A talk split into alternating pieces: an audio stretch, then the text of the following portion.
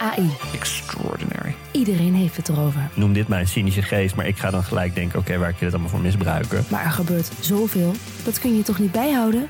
Jawel, want er is Poki. Een podcast over kunstmatige intelligentie waarin ik praat met supernerd Alexander Klupping Je kijkt me nu aan een soort van hoezo misbruik. en techfilosoof Wietse Hagen Kunnen we dit normaliseren? Willen we dit normaliseren? over de wonderenwereld van AI. Do you like me? Status error. Luister, Poki. Ik ga nu ophangen. Bedankt.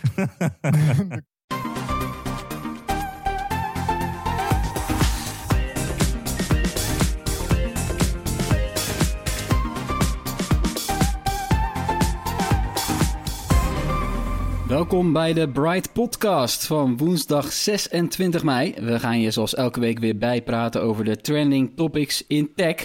Mijn naam is Tony en aangeschoven zijn Floris Yo. En Erwin. Hey. En deze week gaan we een gesprek hebben met een van de grootste namen op het gebied van smart home in Europa, waar je waarschijnlijk nog nooit van hebt gehoord. En verder gaan we het hebben over de comeback van Huawei, jawel, met een eigen Android-alternatief. En we blikken alvast kort vooruit op het aanstaande Apple-event. Heb je wel eens gehoord van Fred Potter? Waarschijnlijk niet. En nee, hij is geen familie van. De Fransman is een van de drijvende krachten in de smart home sector in Europa. Hij was medeoprichter van Withings in 2008 en hij is oprichter van Netatmo, dat dit jaar al 10 jaar bestaat. Erwin die sprak met eh, Fred Potter over smart home tech, de geschiedenis en de toekomst. Eh, hoe ging dat, eh, Erwin? Ja, dat was, was best wel een prettig gesprek. Ja, ik, ik, ik wist eigenlijk ook niet eens van, van zijn bestaan. Totdat ik een uitnodiging kreeg om, om om hem te interviewen. En eh, ja, natuurlijk het eerste wat je dan doet, is je Google, die naam eens even. En eh, ik denk van, oh wauw, die, eh, die man eh, die, die weet vast wel waar hij het over heeft. En ehm, nee, het was een heel, eh, heel prettig gesprek, heel professioneel. Ehm, in ieder geval, mijn eerste vraag eh, was... eh, want eh, trouwens, het interview is wel in het Engels. Eh, hij is een Fransman. Eh, hij spreekt in het Engels, dus dat is af en toe lekker, eh, lekker een beetje eh, zingend, zeg maar. Eh, maar goed, ik- we gaan er toch wel vanuit dat de meeste van onze luisteraars eh, daar geen probleem mee zullen hebben. Ik kon het goed verstaan. Oh, nou kijk, heel fijn. Ja, Mijn eerste vraag in ieder geval was: hè, hoe, wat is er gebeurd? hè, we, we hebben het over smart home. Hè, wat is er gebeurd dat we van, van hele dure domotica, hè, echt duizenden, duizenden euro's vaak. Eh, hoe zijn we nu eh, aangekomen bij, bij de veel betaalbaardere eh, smart home tech zoals we die nu kennen? Oh, there are, I would say that there, there are many, many, many reasons. You know, it's just like a, a planet alignment. Sometimes a few minor things are aligned. I will give you just a few examples. Point number one the general availability of smartphones, which occurred in 2000, uh, 2007, 2008, was obviously a key driver because starting your PC to turn up or down the heating was something that no one was likely to do. And the smartphone became uh, a kind of universal remote uh, for the smart home. Uh, the, the biggest investment people have done in, in their smartphone is actually training themselves how to use a smartphone. So now, if you develop an app uh, which fits into the Android or the iOS uh, UI and UX standard, people know to use it. Eh, was de komst van eh, de digitale spraakassistenten nog zo'n keerpunt? I, I think it was overall it was good for the market uh, because uh, smart assistant um, companies made a lot of promotion about the concept of the smart home and the benefits of their product, and so obviously it drove customer awareness for the concept of the smart home, and it made uh, I would say uh, in the in the public eye the fact that Google, Amazon, Apple were entering this space, I would say helped us gain credibility on the fact that this was a major major long term trend. So overall, it was it was uh, very good. Ja, we hebben het ook nog over Big Tech gehad natuurlijk. Eh Netatmo was, was namelijk een van de eerste spelers die Apple's HomeKit omarmde. Hè, het, het smart home platform van Apple. Uh, en samen met, met Google en Amazon zijn dat natuurlijk de grote platforms. Maar goed, ja, zo'n zo'n keuze. het lijkt mij, zeg maar, als, als start-up, smart home start-up, uit Europa in dit geval, hè, lijkt me nog best wel strategisch ingewikkeld. Hè? Want ja, het kan je helpen op korte termijn, maar op de lange termijn help je dan eigenlijk misschien niet vooral die grotere speler? Of, nou ja, daar zei hij dit over. Actually, we uh, we decided a long time ago to make all of our product available for the three main ecosystem for Amazon Alexa, Google Home, and Apple HomeKit. Uh, when you make the choice of being compatible with the three of them, uh, basically you you, uh, you you don't make any choice into which one is the best, and you don't explain to the consumer which one uh, he should use. So I think it was a very good move to say that uh, the we, we do things which are uh, we, we do equip the home actually, and then the user chooses the, the, the, the vocal assistant or the, the, the voice assistant that he wants to use. And if he chooses our brand first, then he has the ability to use whichever assistant he prefers. And so, yes, it's a lot of work. Certification with Apple HomeKit is a lot of work, as it is with Amazon Alexa, as it is with Google Home. Lot of interworking, so definitively a huge work. But uh, I think it was it was worth uh, worth it Ja, en hij heeft dus, ja, dat is wel typisch. Hè. Zij, zij, ze hebben gewoon op alle paarden gewet. Uh, wat we ook wel een beetje kennen van, uh, van Philips Hue natuurlijk. Hè. Uh, met de slimme verlichting. Ook heel slim gedaan in die zin, strategisch. Hè, gewoon ja, met, alle, met alle grote spelers meewerken. compatible zijn. Ja, ik denk toch wel achteraf gezien wel, wel de slimste move. Denken jullie niet? Ja, want hij zegt ook, het is veel werk. Maar het is het waard geweest. Want dan ongeacht of iemand in een bepaald smart home systeem zit, uh, maakt het niet uit. Want nou ja, iedereen, iedereen kan het gewoon kopen. Ze hoeven niet op te letten. En andersom is het natuurlijk ook niet zo dat jij een nare smaak krijgt van... ik heb net dat mogen gekocht. Uh, ik stap over van iOS op Android en ineens werkt mijn slimme camera niet meer of zo, weet je wel. Dus dat, ja. dat is eigenlijk, zijn zij, hebben zij meteen al gezien, dit is een enorme, enorme drempel die we eigenlijk gewoon moeten weghalen. Dus dat vind ik wel slim van ze, ja bij de aanschaf ook. Hè? Het, is ook meteen een verkoopargument ja. voor sommige mensen. Want sommige mensen bepalen hun keuze op basis van de ondersteuning van al die platforms. Zeker. Nou, sterker ook het advies wat eh, wij uitbrengen aan ons publiek. Hè? Wij, wij we, partijen die, uh, die met alle platforms werken of producten, hebben altijd een streepje voor. Absoluut, ja. Ja, en uh, een van de redenen waarom we bij Bright uh, wel fan zijn van Netatmo Cinema camera's... is omdat ze geen abonnement vereisen. Uh, we think so. We think it's uh, it's very important. Obviously, it's a burden, so we need to be very cautious in the way we design the product, so that each product that we design and sell would not create future excessive cl cloud costs that we would have to sustain. So obviously, it's a constraint. Uh, which uh, makes us uh, create product in which the cloud aspect is as minimum as possible so that we don't have a large load. It's also uh, a good thing for the consumer privacy uh, to store as little data as you can in the cloud, not only because it's expensive, but because the less data you store, the better every, every everyone feels. And we think it's very important because actually our competition is not, I, don't think that the main competition for companies like us is an alternative thermostat player or an alternative, uh, I would say, a smart home player. The, the competition, the main competition for us is customer not doing anything smart in their home. People going in a DIY store and purchasing a 10 euro dumb electromechanical thermostat. That's our competition. And we need to explain to those uh, customers all the benefits and all the savings that they can get from the smart thermostat. Ja, ik vind het nog steeds een, uh, ik vind het nog steeds een meesterzet hoor. En ook weer, het is ook zo'n punt. En wat ook in onze koopgids Bright Stuff hè, hebben een uh, categorie uh, voor slimme camera's. Ja, dat is echt, dat is echt een, heel belangrijk punt waar wij op letten. Bij, bij, veel camera's zit je meteen aan een abonnement vast. Wil je het eigenlijk echt goed kunnen gebruiken, zo'n camera, met beelden die je dan achteraf kan, uh, kan bekijken. En Ja, ik, ik, ik heb dat van meet af aan een sterk punt van ze gevonden. En, en eh, gelukkig blijven ze dat, eh, kunnen ze dat volhouden. Ja, want een van de camera's die we daar eh, aanraden is de Netatmo Presence. Maar voor de volledigheid nog even, we hebben- we raden ook de Eufy 2 Pro aan en de Logitech Circle Pro, eh, 2. En die hebben dus ook allemaal geen abonnementen. Ja, voilà, precies daarom. Voilà. Ja, je begint gelijk een beetje Frans te praten. Mooi is dat. ja, dan gaan- we door naar eh, Matter, oftewel Matter. Eh, dat is namelijk eh, het nieuwe samenwerkingsverband tussen vrijwel alle grote en kleine smart home spelers om tot één standaard te komen, zodat apparaten makkelijk onderling compatibel zijn.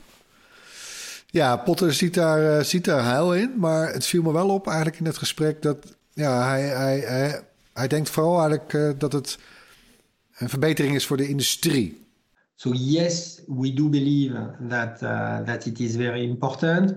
We anticipate that it will lower the cost of developing smart home products because manufacturers like Legrand will only have to develop one technology instead of having to develop the support for three independent platforms. Technically, it's going to be a perfect standard. Uh, it has the full commitment of uh, Google, Apple, uh, and, uh, and Amazon. So we anticipate it could be a success. And obviously, this is something we are, um, I would say, uh, taking uh, into account in our roadmaps.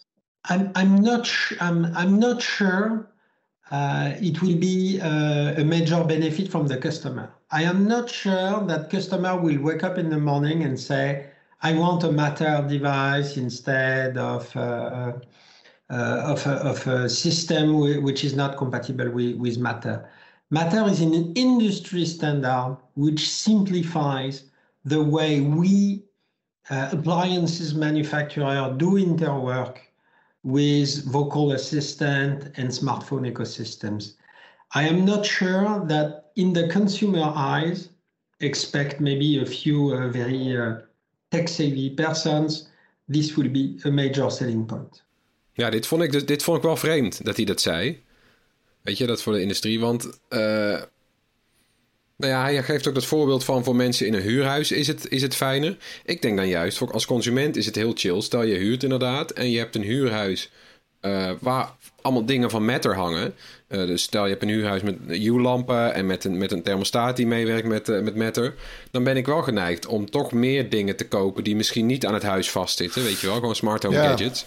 Nou ja, precies. Dan dat ik dat, dus- ja, stel, stel je hebt een huis voor, stel ik huur en ik heb allemaal domme spullen in het huis hangen. Dan ga ik niet van mijn eigen geld een slimme deurbel op dat huis schroeven en eh, een slimme thermostaat installeren. Is allemaal gedoe. Want over een paar jaar moet je het huis uit en dan moet je het weer allemaal demonteren en zo. Ja, nee, maar goed, wij, wij verwachten eigenlijk eh, meer nog dan hij zelf. eh, kreeg ik toch een beetje het gevoel hè, dat, dat Meta ook wel degelijk een soort keurmerk kan worden Ja. voor de consument. Hè, dus van, nou, hè, dat je in de winkel staat en zegt van ja, werkt het ook met Matter? Ja, oh fijn, want dan weet ik gewoon dat ik, ja, hè, dan kan ik het op van alles en nog wat aansluiten. Ja. Ja, en hij zegt het is misschien voor de tech-savvy gebruiker. Dat is misschien wel zo. Het is weer een naampje. Maar het is wel iets dat je weet. Als je je familie eh, eh, vraagt van wat moet nou kopen. En je stuurt ze naar de winkel. Dan hoef je alleen maar te zeggen let op dat er Matter op staat. Net zoals dat je bijvoorbeeld zegt van let op dat er eh, Dolby Vision op staat. Of let op dat er Of Bluetooth? Lightning, Bluetooth. Ja, al zulke soort dingen. Het is gewoon een makkelijk naampje wat je kan onthouden. En dan weet je dat het toch wel werkt. Ja, lijkt me toch wel relaxed. Heb je het eh, met hem ook nog gehad over wat we nog meer kunnen verwachten naast eh, slimme verlichting, camera's, eh, thermostaten, deurbellen en sloten? Ja, natuurlijk. Eh, maar hij kwam best wel met een verrassend antwoord. One, uh, I would say it's a very technical product that we launched uh, uh, at CES 2020, which is the uh, smart electrical panel. So it's it's it's not a very sexy product because the smart electrical panel is probably hidden somewhere in your home and you're not, you know, interfering with it every day. But I think it's uh, i- it's uh, a key enabler of the transition to uh, renewable and intermittent energies. Because if you use most of renewable energies are intermittent, and so obviously the big loads, uh, the big electrical loads in your home needs to be you know activated not only based on what the user wants but also on the availability and the cost of energy ja, dus de meterkast, uh, ja. die, die zag ik niet meteen aankomen. Nee. wel, nee. wel leuk, maar uh, ja, ik denk toch wel dat hij een heel goed punt heeft. En dat hij dat toch wel goed ziet hoor. Want uh, hè, we gaan natuurlijk toch ook met het energiebeheer eigenlijk in ons huis... Ja, gaan we wel naar een situatie toe waarbij je, ja, als je wil ook, wat zelf wat meer aan de knoppen komt te zitten. Of je laat ja. een app dat natuurlijk doen, maar... dus ik denk dat hij daar, ja, ik denk dat dat product, ja, het is wat hij al zei, hè, het is niet sexy op, op papier, maar dat kan toch best wel eens een eentje worden. Maar hoe, hoe bedoel je eigenlijk eh, meer aan de knoppen zitten? Heeft dat te maken met, uh, met zonnepanelen en terugleveren aan het netwerk en dergelijke ook? Of? Ja.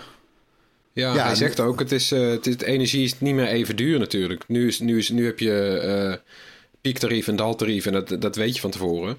Maar als jij zelf zonnepanelen hebt of, of, of je bent van een windmolen afhankelijk of wat dan ook... je kan veel meer uh, je huis laten regelen wat op welk moment energie kan vragen. En met zo'n paneel, met zo'n zo'n verdelingspaneel in de meterkast, pak je dat bij de kern aan eigenlijk. Dus dan kan je waarschijnlijk gewoon instellen. Uh, stel je hebt zo'n stel je hebt zo'n powerwall in huis, toch? Je hebt, je hebt van die powerwalls nu, zo'n grote accu. Wanneer laat je die accu vollopen? Als de stroom het goedkoopst is. Wanneer is de stroom het goedkoop? Nou, als je hem zelf vangt met je zonnepanelen als de zon schijnt.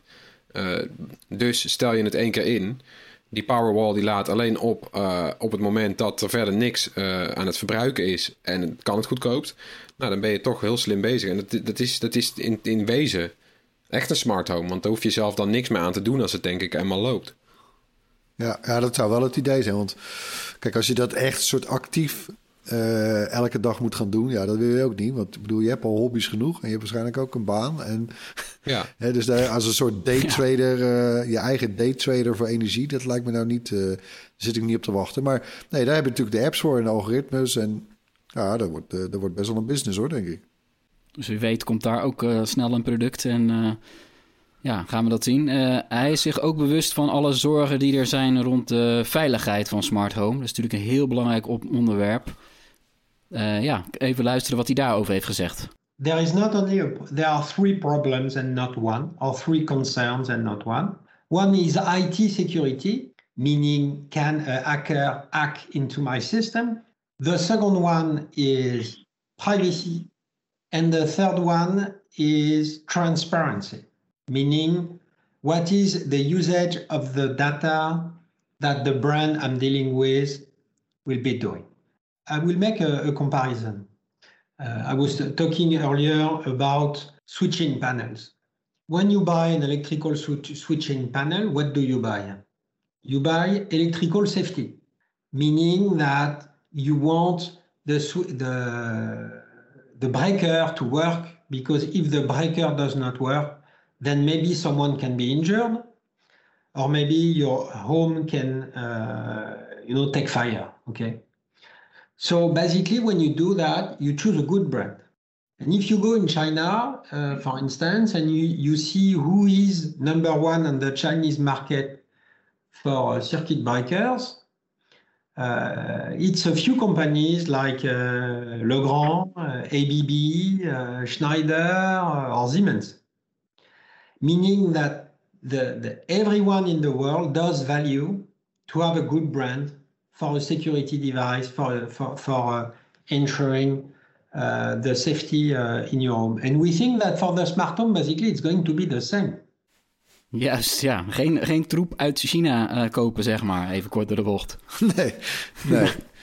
ja, nee, ik had het ook nog met hem over dat, uh, dat niet alle smart home tech zaligmakend is. Hè? En, en soms niet slim genoeg. Ik gaf hem het voorbeeld van uh, de, de geofencing uh, functionaliteit in mijn slimme thermostaat. Dat, die dus in de gaten houdt of jij thuis bent of niet.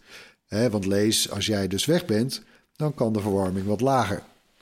Ja, nou, dat klinkt allemaal fantastisch, maar als je in je eentje woont, hè, of oké, je, kan je, je kan je partner vaak bij dat soort apps ook nog wel toegang, toegang geven tot die app. En dan kan die dus ook de geofencing van je partner in de gaten houden. Maar het wordt al echt wel heel snel ingewikkeld als je ook nog kinderen hebt bijvoorbeeld. Hè? Wel kinderen die oud genoeg zijn om bijvoorbeeld om alleen thuis te zijn, maar ja, die nog niet meteen misschien ook een smartphone hebben of, of, of die apps willen draaien of kunnen draaien. Hè? Dus dat, Nou ja, en daar... Uh, uh, ja, dat was hij wel met me eens trouwens. Hier, luister maar.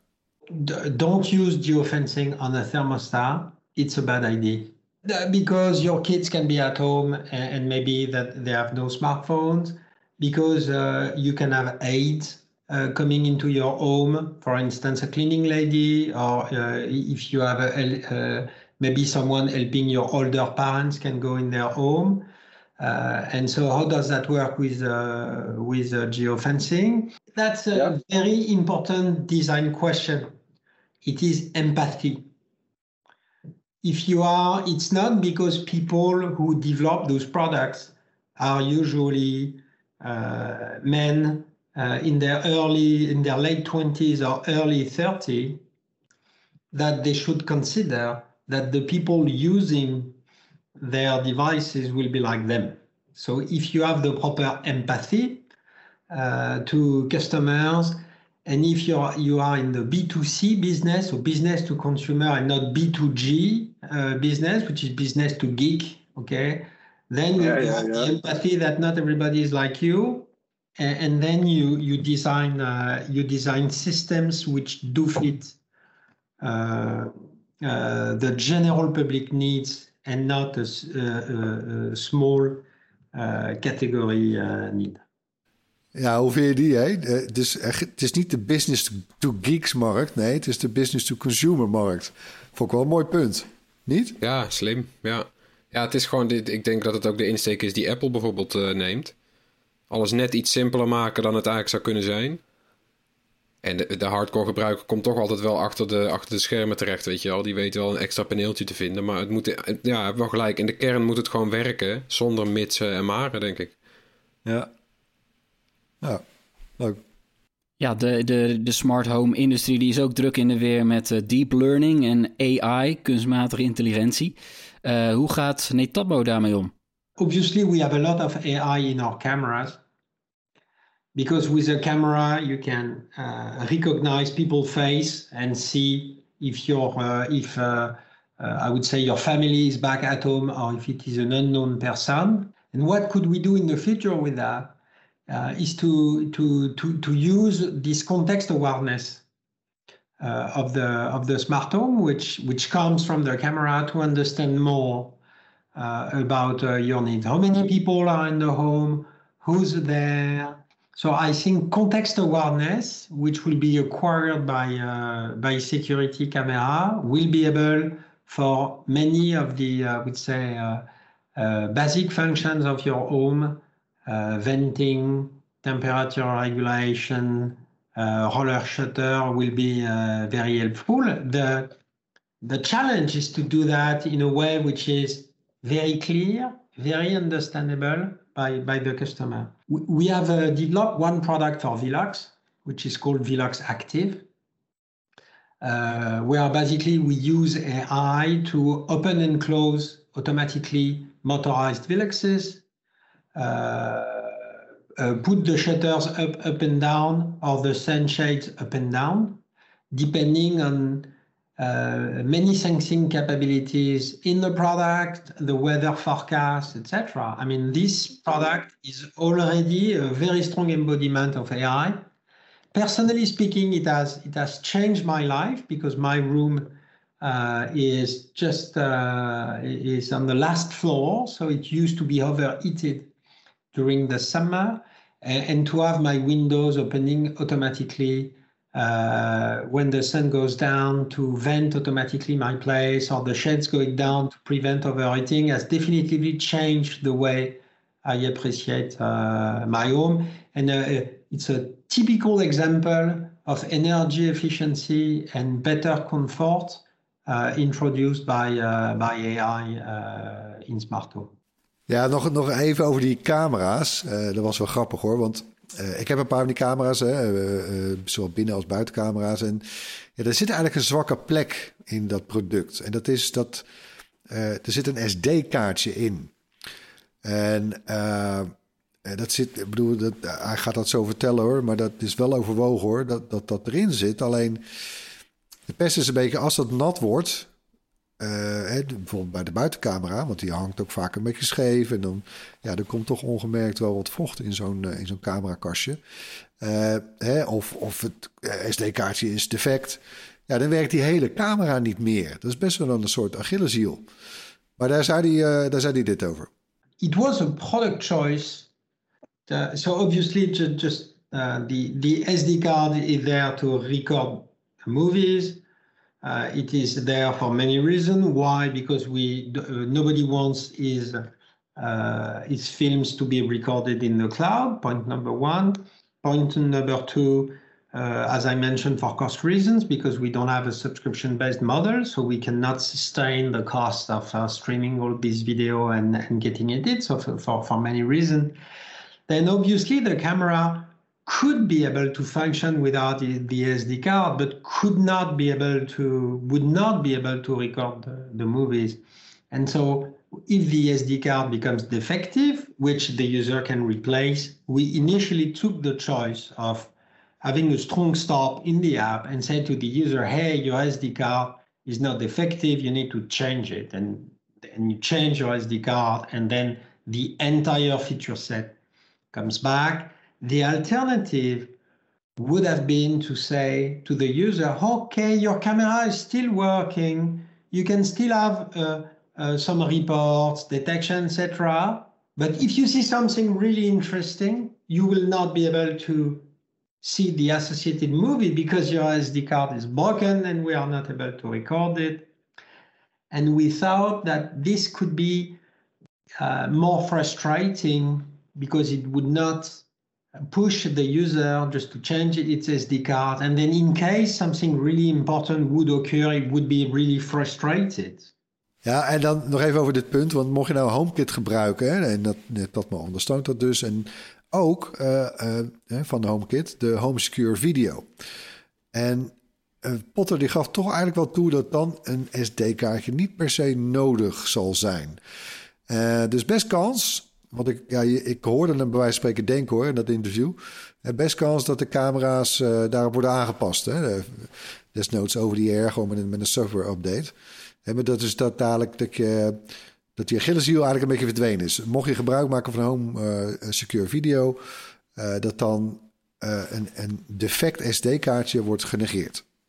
Want nog even kort dan voor de luisteraar. Wie, Home Secure Video, dan krijg je geloof ik opslag in iCloud uh, meerdere dagen. Ja, maar er is nog een heel belangrijk verschil in dit verband. Uh, want je kon bij, uh, bij de camera's van dit Tatmo ook eigenlijk weer als onderdeel om dus geen abonnement te hoeven afsluiten. daarom zit dat SD-kaartje in die camera's. Maar je kunt ook de beelden, de opnames, kun je uploaden naar je Dropbox of naar een FTP-server. misschien een eigen FTP-server. En dat is tof, maar ja, dat, daar gaat die vlieger hier niet bij op. Want wil je het uploaden naar Dropbox, dan moet je dat alsnog eerst opslaan. En is dus wel degelijk dat SD-kaartje nodig. Bij Home Secure Video inderdaad doe je dat, en stream je dat. Dus terwijl het gebeurt, terwijl je het opneemt, streamt uh, dat daar inderdaad naar je iCloud. En uh, dus daarom zou dat daar... Nou, het is allemaal een beetje een detail hoor, dit. Maar ik weet in ieder geval van veel mensen die, die net dat camera's hebben dat ze daar vaak gefrustreerd over zijn, over dat SD-kaartje. Maar goed. Uh, dus ja, nou, Home Secure Video is ook nog niet zo oud, toch? Uh, het is pas nee, nee, nee, nee, dat klopt, dat klopt. Precies. En het uh, verschil is dat dan de Netatmo een versleutelde streamverbinding heeft met je iCloud-opslag eigenlijk. Ja. Dus dan hoeft hij geen tussen, tussenstop te maken op je SD-kaart. Maar de voorwaarde is wel dat het veilig is. Ja, en dat is het dan. Hè. Kijk, je, ja. ziet het ook aan die camera van de, wat was het nou, de Circle 2 of de Circle View. Uh, ben het even kwijt, maar van Logitech. Hè, die, die heeft niet eens een eigen app meer. Die maakt alleen maar gebruik van de Home uh, Secure Video van, uh, Precies, van Apple. Ja. dus in ieder geval voor alle Netatmo-bezitters of camera-bezitters... weet dat daar mogelijk wel nog verbetering onderweg is. So it, it could be that we make this evolution for those of our customers using an external system to store the video and not relying on the SD card. And obviously, maybe if you if you do not use the SD card. Ja, en dan uh, tot slot uh, op de vraag wanneer we Netatmo's uh, slimme slot en slimme sleutels, die het al in januari 2020 aankondigde, wanneer we die kunnen verwachten. Daar zei hij dit over. Very soon. Very soon. Very soon. Very soon. So it's it's coming. No worries, it's coming. It's a great product. Obviously, it's a product which need to endure lots and lots and lots of testing before we put it on the market. Uh, so, so it's on its way. Nou, ik kijk, er, uh, ik kijk eruit om ze uh, te gaan testen. Ja, dan is het weer tijd voor ons hoorspel. Daarin laten we elke week een tech-geluid horen. En dit was het geluid van vorige week. Het geluid is niet geraden, jongens. Nee, nee. Ja, het is ook een moeilijke. Ja, het is een stinkertje. Zullen we, zullen we dan een hint geven? Ja, komt-ie, hè, de hint. De hint is een voorhoofd. Huh? Nou, mm-hmm. laten we nog één keer, uh, laten we nog één keer horen. Ja. Als je denkt te weten wat dit geluid is, stuur dan natuurlijk je antwoord naar podcast.bright.nl. Onder de mensen die het juiste antwoord insturen, verloten we natuurlijk weer zo'n gewild en exclusief Bright T-shirt. Tijd voor een rondje kort technieuws. Huawei die presenteert volgende week zijn Android-alternatief Harmony OS voor smartphones. Met Harmony OS wil Huawei minder afhankelijk worden van Android. Het Chinese techbedrijf richt zich met de nieuwe software vooral op markten buiten Amerika, ook op Europa. Eh, sinds twee jaar mag Huawei namelijk door de Amerikaanse handelssancties geen nieuwe telefoons meer leveren met de volledige Google-versie van Android. En daardoor is de verkoop van Huawei-smartphones ja, best wel ingestort. Buiten China moet ik zeggen, want in China gaat het nog wel lekker. Uh, ja, of dat valt om te buigen met de komst van Harmony OS. Ja, wat denken jullie daarvan? Ja, ik weet het niet hoor. Ik denk toch een beetje too little too late. Ja, ik denk het ook. Het is, het is, het is zelfs gevestigde concurrenten niet gelukt om, uh, om, om iOS en Android bij te benen. Laat staan een nieuwkomer. Ja, wat, wat heeft hij ook nieuw te bieden? Want uh, ze, hadden wel uh, flinke taal hoor. De, de oprichter van Huawei had een interne memo gestuurd. Zo weten we dat dit, uh, zo, zo kwam dit in eerste instantie naar buiten.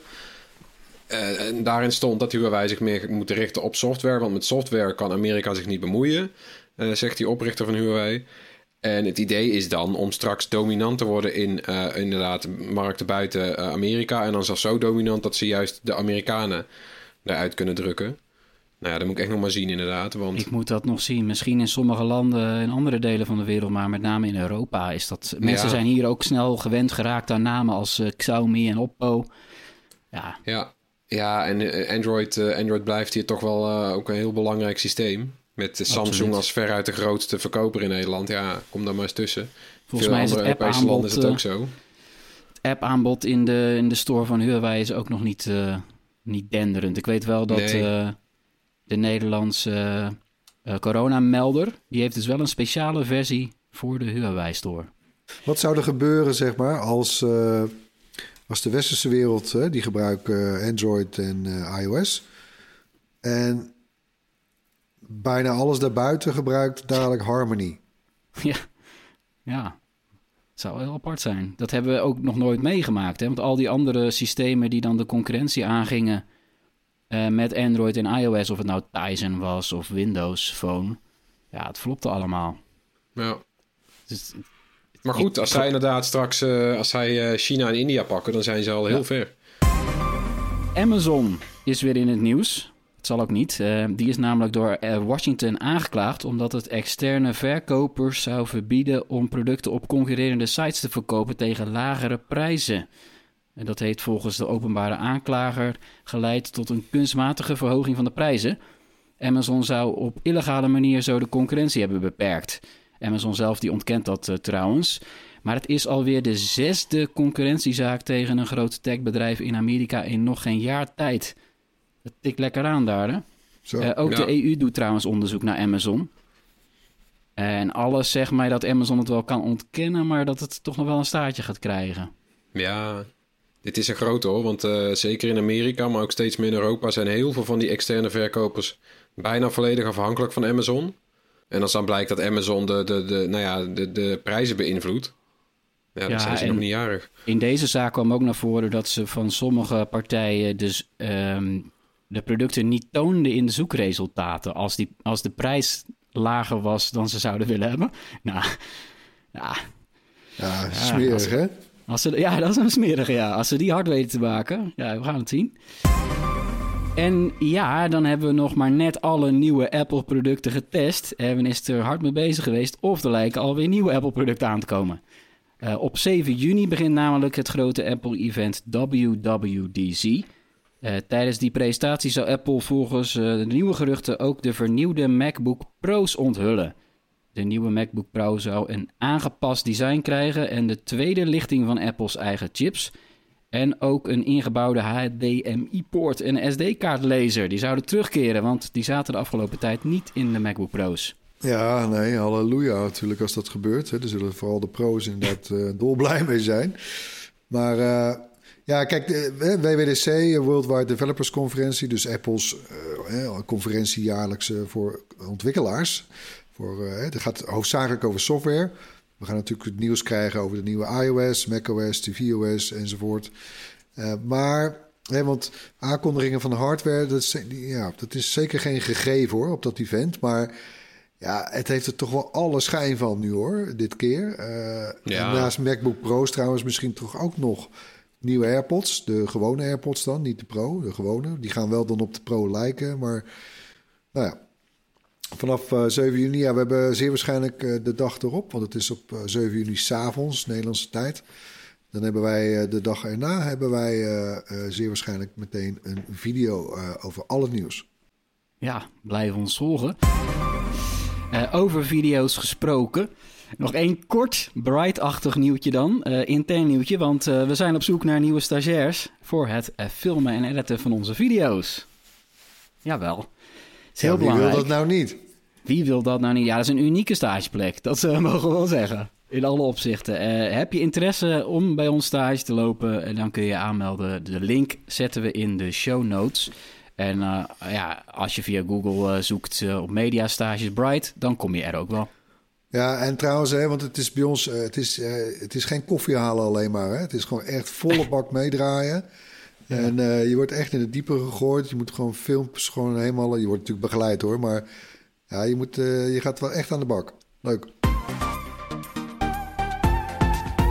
Ter afsluiting hebben we natuurlijk weer de tips van de week voor jullie. Uh, beginnen we met uh, Floris. Ja, ik heb een docu deze keer. Docu 1971. Muziekdocumentaire op Apple TV+. En de, ja, de tagline is... The year that music changed everything. Het is een ongelooflijk aantal grote hits. Kwam in 1971 uit. Uh, ze beginnen in de eerste aflevering al met What's Going On van Marvin Gaye en uh, Imagine van John Lennon. En het zijn dan allemaal, zeg maar, de gemene deler van al die hits die uitkomen, is de, nou ja, de wereldwijde onrust die er heerst. Dus er is van alles aan de hand. Nixon is president, de Vietnamoorlog is aan de hand. Bangladesh wil zich afscheiden van India, et cetera, et cetera. Er gebeurt van alles. De, de, de, en muzikanten zijn veel activistischer dan dat we nu misschien gewend zijn. En die willen zich echt inzetten. Die willen zich laten horen. Uh, en wordt een soort wisselwerking. Je ziet echt ja. hoe, de, hoe, de, hoe de, het nieuws de muziek beïnvloedt en hoe het muziek weer het, het nieuws beïnvloedt. Het is wel heel interessant om te zien. Op Apple TV Plus. Erwin, jouw tip. Ja, ik heb uh, het tweede seizoen van Love, Death and Robots. Dat is een animatieserie op Netflix. En uh, ik ben echt verrast weer door, uh, door het nieuwe seizoen, door de aflevering. Ik heb er nu drie gezien. Het zijn er acht in totaal. En ja, ik, het lijkt wel alsof die serie steeds beter wordt. En ook heel lekker, die afleveringen duren niet zo lang. Dus uh, het is misschien thuis, als, als het laat is en je denkt van ja, ik ga nou niet nog een heel uur nog weer iets kijken. Dat red ik toch niet. Dan val ik in slaap. Of een, of een film van twee uur al helemaal niet. Maar het zijn soms dingen zo van 10 minuten, 15 minuten. Bijna een beetje YouTube-lengte. Maar dus ook lekker trouwens voor onderweg. In de, in de bus of in de trein. Uh, maar erg goede animaties. Love, Dead and Robots. En wat voor, wat voor soort genre is dat eigenlijk?